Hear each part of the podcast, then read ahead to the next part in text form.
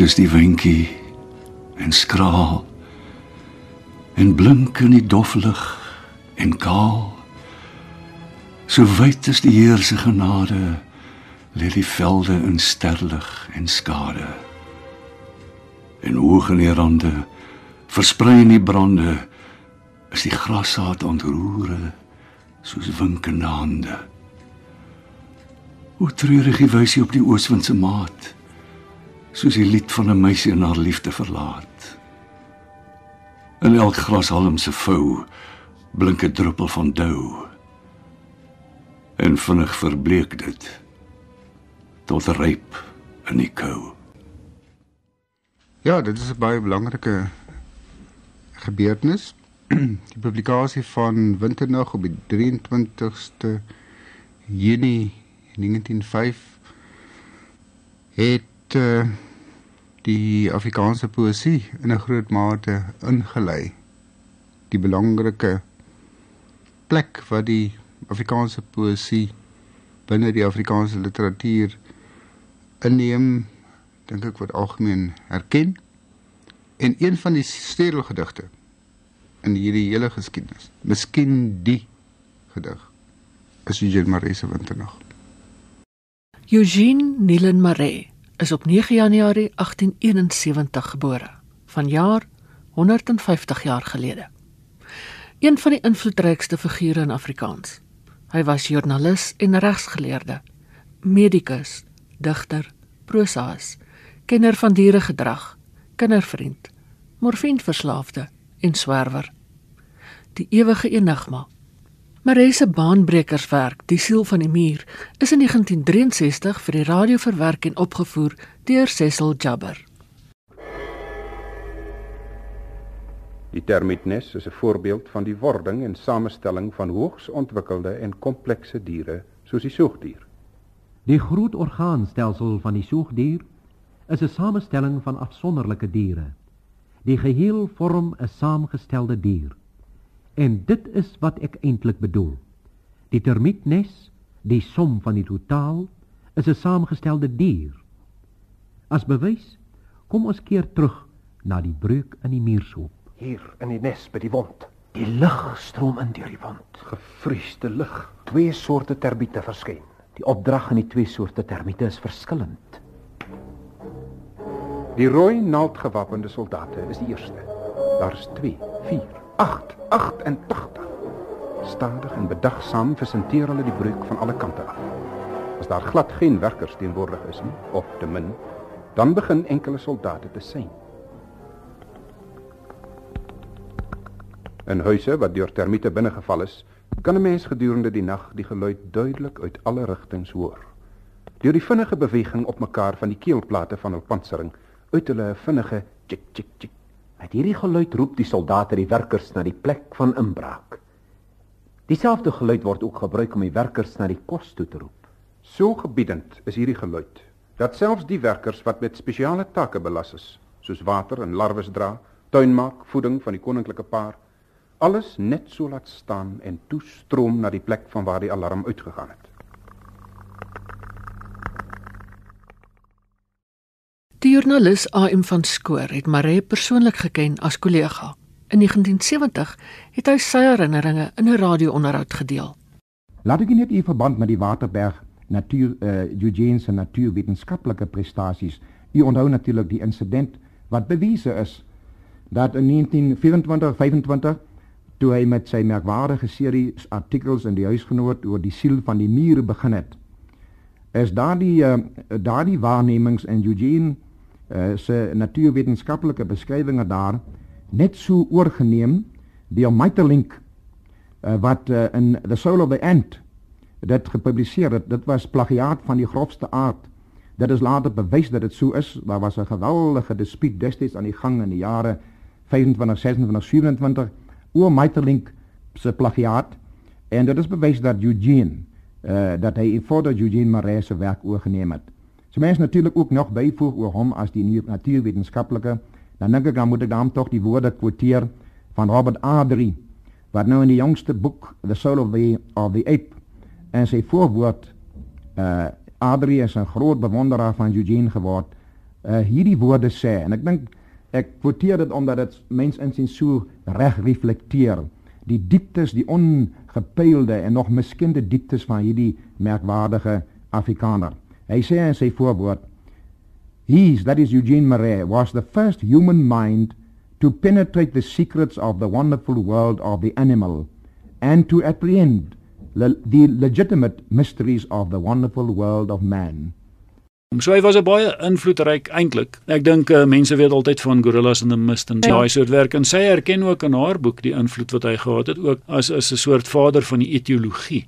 Die dat diere nie soos wat dit in die 19de eeu bestudeer is, was 'n dier in 'n dieretuin bestudeer. Hy's geskiet en gespalk en ongeanalyseer. En en dit was 'n idee wat Maree gehad het. Hy ook hier gedoen het in die water. Hy het gaan sit en kyk na die bobbejane en sy aantekeninge gemaak. Hy het gaan kyk na die lewendige muurnes as 'n hele geheel. Professor Willie Burger van die Universiteit van Pretoria. Maree se kortverhale word ook bestempel as merkwaardig anders as die van sy tydgenote. Die huis van die vier winde is in 1990 deur Nick Swanepoel verwerk. Dora Cameron moes onbeslis gesien. Daarvan is ek oortuig. Wat sou sy met daardie kers in die koperkandelaar wil maak? Kom jy dokter Dewey by? Laat ek jou eers jou slaapkamer gaan wys. Goed, dankie mevrou. Ek verskoon net 'n oomblik asseblief. Seker dokter. Hier langs dokter. Ek stap maar voor by die lig. Maar dis dan die deur van die kamer waarin ek die jong man sien ingaan.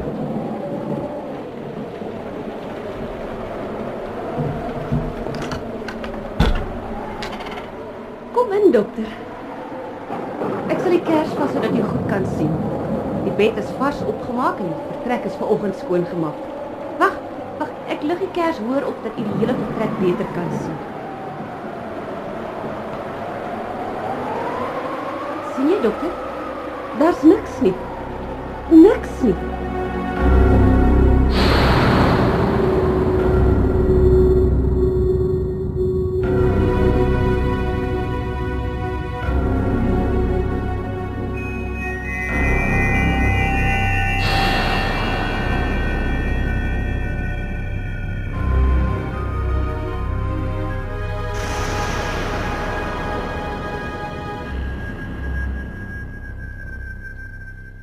Jen, julle sal merk dat ons albei, ek en Dora Cameron, eienaardig opgetree het. Ja, ja, baie aardig, dokter. Waarom het jy niks van die jongman gesê nie? Ek weet nie. As wetenskaplike sou my verklaring wees dat of skoon ek eet sou aflê dat ek die jongman wel gesien het, net soos ek sopas aan julle vertel het. Ek nietemin in my onderbewussyn net so seker was dat die verskyning subjektief en nie objektief was nie. Maar hoe op aarde verklaar jy hierdie vreemde ondervinding van u? My vriend, my storie is nog nie klaar nie. Maree klaar blyklik 'n groot indruk gemaak op mense wat hom geken het. In sy laaste jare het hy by 'n mevrou Cross tuis gegaan in Pretoria. Haar dogters Etna en Hetty het in 1984 hulle herinneringe in 'n radio-onderhoud gedeel. He was my mother, my father, my father confessor, my friend, my greatest pal. Um if I can put it this way, this is the only way I can really tell you. I adored that man. If anybody had said to me then or even possibly today, uh, how would you describe Jesus of Nazareth? I would say Um Eugene. I adored him. He was everything to me. He was, there was no, um, there was no sort of, how can I say it? I don't know, we were just like that. There was no, you can't say it was a friend or a father or anything like that. It was just a unity almost. He was always the same. In the morning, midday and evening until the last time, last minute that we saw him when he would go off to bed. And he went to bed fairly early. He wasn't, uh, uh, he didn't sit up late or go out much at night. Very seldom mm. did he go out at night. And uh, they used to chase him perhaps from the fatherland and he'd sit up late writing, getting the article ready mm. for the next edition. Mm. And they were waiting. And as he was writing a page, so they would send the runner to fetch it mm. and they'd set it up. And then he'd have the next page done. You know that happened often in 371 Edna, mm. where yeah. the front door was open all the time. And uh, this man would be in into Eugene's room and he'd quickly take the piece of paper and weggezij. Mm. And then he'd scribble and he had the most shocking handwriting. but anyway, he'd scribble, he'd get about three words to a line. yeah. Edna en Hetty Cross. Ook op AM van Skoor het Maree 'n onuitwisbare indruk gemaak. Dit was in die begin van 1932 toe ons in Pretoria besig was om die voorbereidings te tref vir die begin van die Vaderland as 'n halfweeklikse blad in Pretoria en uh, gereeld het in die ou klein gebouetjie in Pretoria straat hierdie man Eugene Maree ingekom en wyle vertoef en geloop. Toe het ons hom leer ken het het by my ou kollega Otto Schwalnus en myself die gedagte ontstaan of ons nie Eugene Maree weer aan die skryf kan kry nie want dit was toe in omtrent 6 jaar waarin Eugene geheel en al onproduktief geword het. Ons het sy ou vriend Dr. Gustav Preller, ons hoofredakteur, gaan raadpleeg. Dr. Preller het eenvoudig net sy skouers opgetrek en gesê wel julle kan probeer en ons het probeer en ons het Eugene weer aan die skryf gekry vir vier wonderlike jare van samewerking met hierdie een van die merkbaarste manne wat ek nou ooit in my lewe ontmoet het. Ja, Eugene was 'n uitsonderlike skrywer. Die meeste van sy verhale, die meeste van sy artikels, die meeste van sy gedigte wat in hierdie 4 jaar geskryf is 1932 tot 36, het hy op die toonbank, die openbare toonbank in ons gebou gedoen. Met daardie groot vulpenne waarvoor hy so lief was en op die lang wit papier in sy vloeiende handskrif het hy eenvoudig sy verhale staan staan skryf. Ehm uh, foutloos en aardig genoeg nog in daardie tyd in die uh, onakademiese Afrikaans as ek dit sou mag stel. Jy sal onthou en waarskynlik nie omdat jy te jonk is dat in daardie jare was daar nog 'n stryd in die akademie of sekere van die ou Nederlandismes sou behoue bly in Afrikaans. Die byvoorbeeld die die werkwoord die hulpwerkwoord werd in plaas van is. Dr Preller en Eugene het eenvoudig onversettelik daarop gestaan dat hierdie werd behou moet word. En ons het so gereël soos klokslag het ons die werds in isse verander. En so gereël soos klokslag het Eugene en Dr Gustav Preller dit terug verander. Omdat Dr Preller by die akademie 'n beslissing verkry het dat in die oorgangsperiode albei vorms toelaatbaar sou wees. Daar het Eugene nou sy verhale geskryf die merkwaardige mens, miskien moet ek iets oor hom sê as 'n mens. Hy uh, hy was die by jou altyd die indruk geskep van 'n mens wat van die aarde is en tog nie ook van die aarde nie. Daar was 'n soort mistieke onpeilbaarheid omtrent hierdie man. Groot, mooi man, perkamentagtige gelaatskleur, pragtige kop met veral 'n 'n uh, klassieke neus. Uh maar Mense het altyd die gevoel gekry dat Eugene so lê aan wat hoe kan 'n mens dit stel? So 'n onstilbare lewenspyn. So 'n onvervulde hinkering na iets wat jy nooit agtergekom het nie, maar wat tog in sy werke weerspieël is. 'n Druppel gal is in die soetste wyn. 'n Traan is op elk vrolik snaar. In elke lag 'n sug van pyn. In elke roos 'n dowwe blaar. Die een wat deur die nag ons pret beloer en laaste lag, 'n skoppenspoor.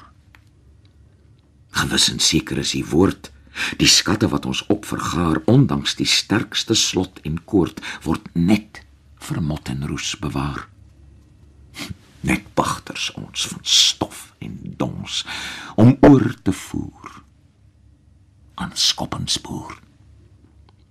Die heerlikheid van vlees en bloed. Die hare wat die sonlig vang en weergee in 'n goue gloed.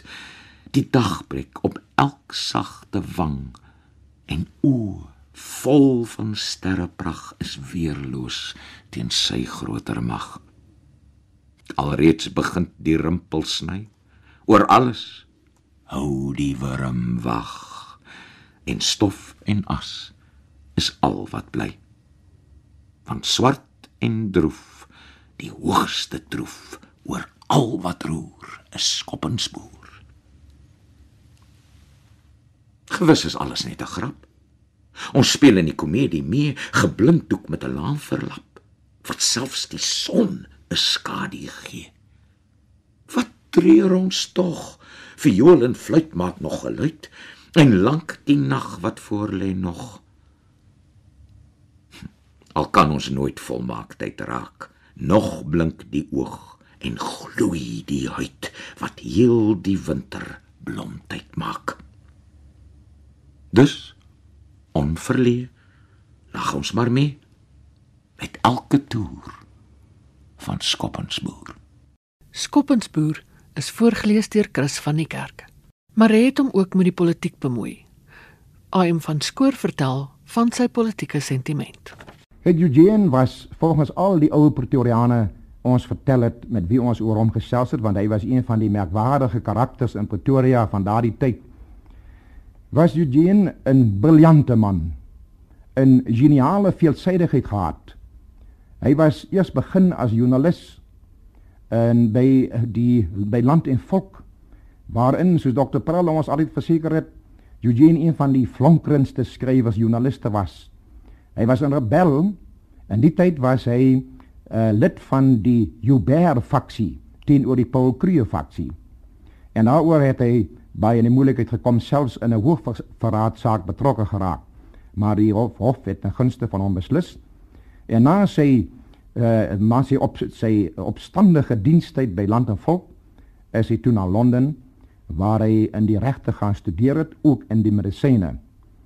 En aardig dat in hierdie tyd was Eugene as jy miskien sou weet wat is die verskil tussen die Joubert en die Cruwe faksie? Ons vergeet dit deesdae.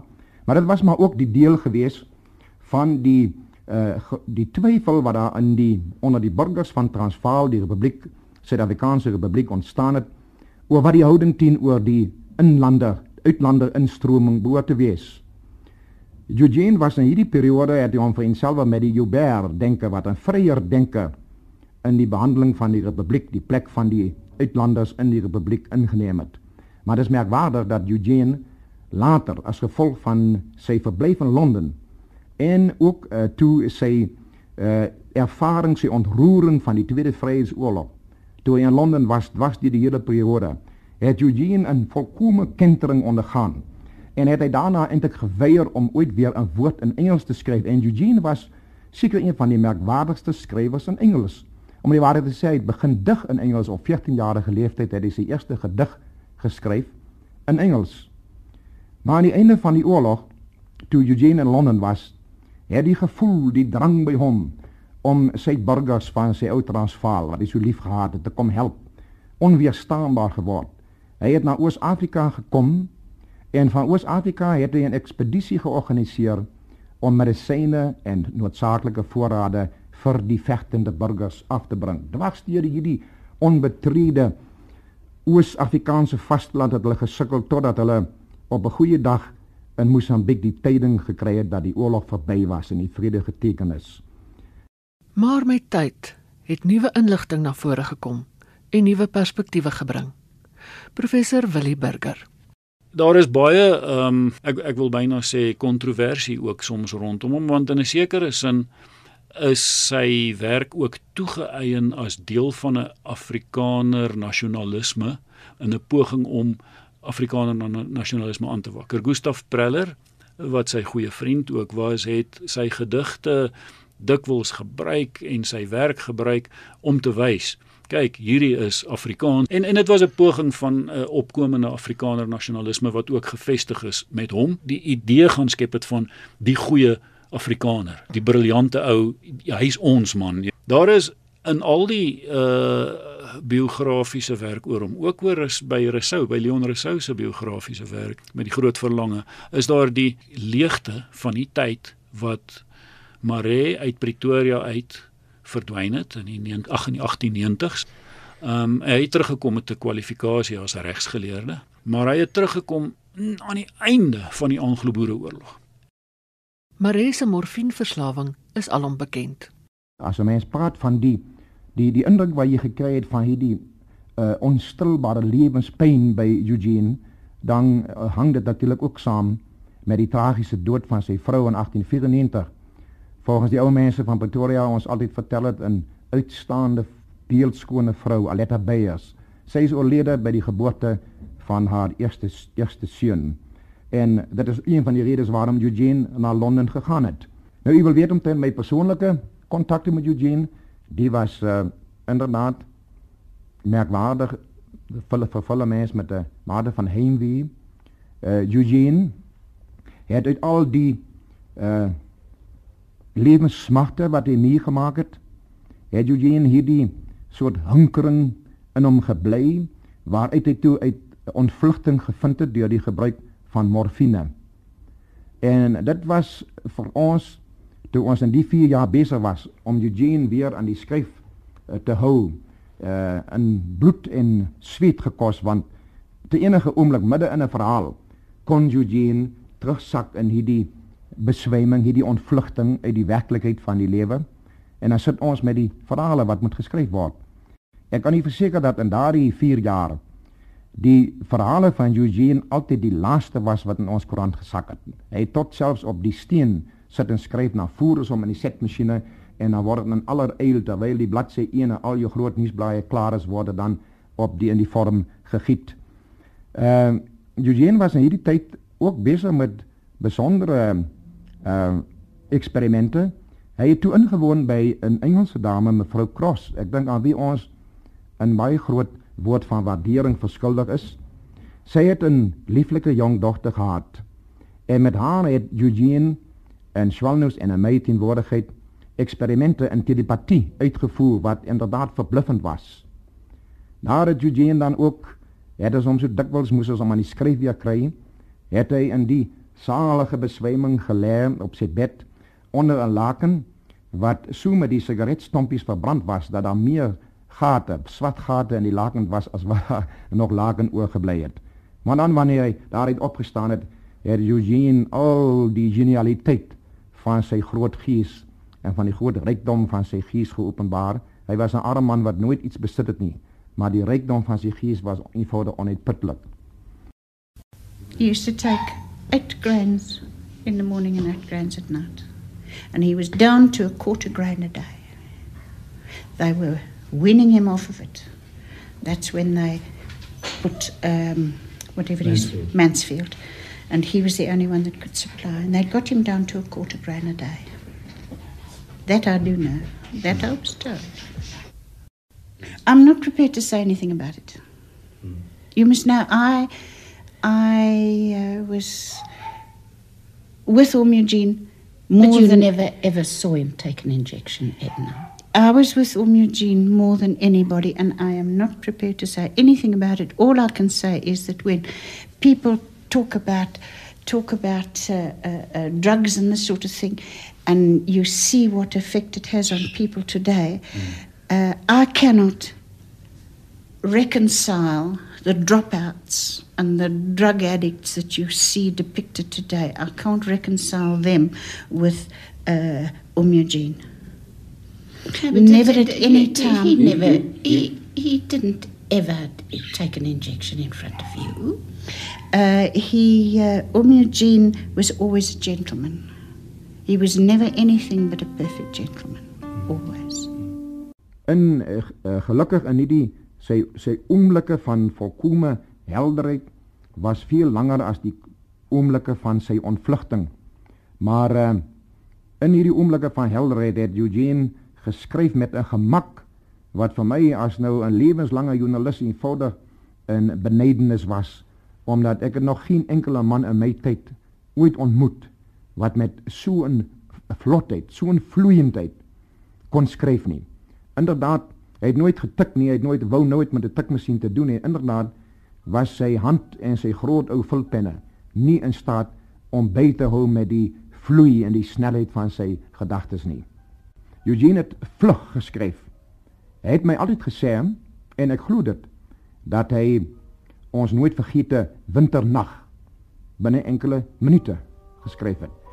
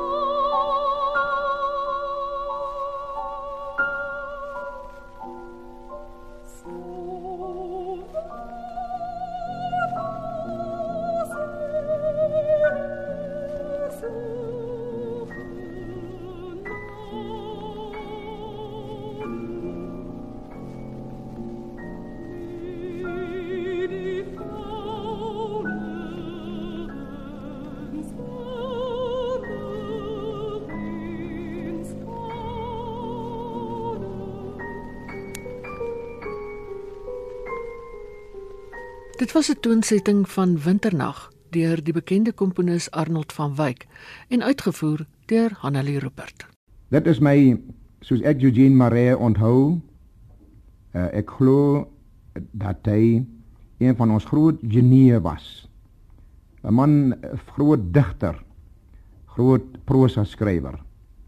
Groot wêrelderkende natuurwetenskaplike en een van die vreemdste maar geniaalste mense wat ek nog ooit in my tyd ontmoet het en bevoorreg was om te ken. En 'n mens kry die indruk hier van 'n kosmopoliet en uiteindelik 'n fascinerende blik op hierdie buitengewone Afrikaanse skrywer. Maar daar's altyd iets van 'n enigma rondom hom, ook omdat hy verslaaf was uh, as dwelmslaaf word daar baie daaroor gemaak en uiteindelik het dit geëindig in sy selfmoord hier by Pelindaba. Marie se lewenspyn het hom uiteindelik oorweldig.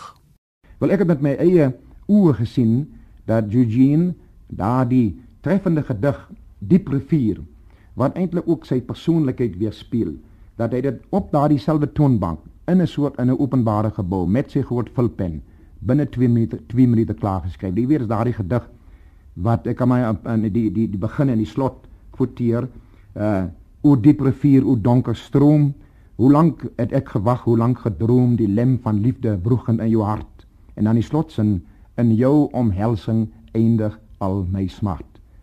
En in daardie op 'n goeie dag die 29ste Maart in 1936 eh, het Eugene in die diep rivier ingegaan en in sy die omhelsing het al sy lewenssmart geëindig.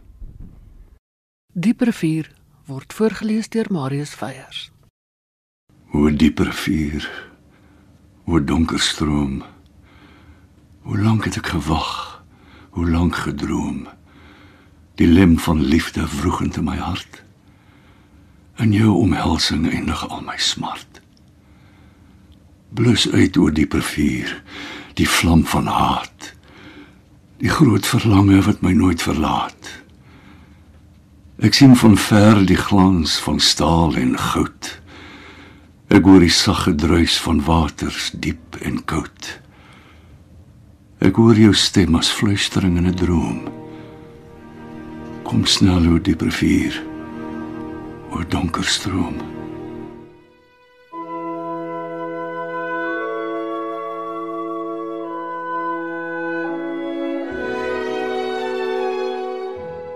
Eugene Maree, ewige enigma is saamgestel uit materiaal uit die ISAK se klankargief met groot dank aan Karen de Tooy. Die samesteller en aanbieder is Ina Strydom.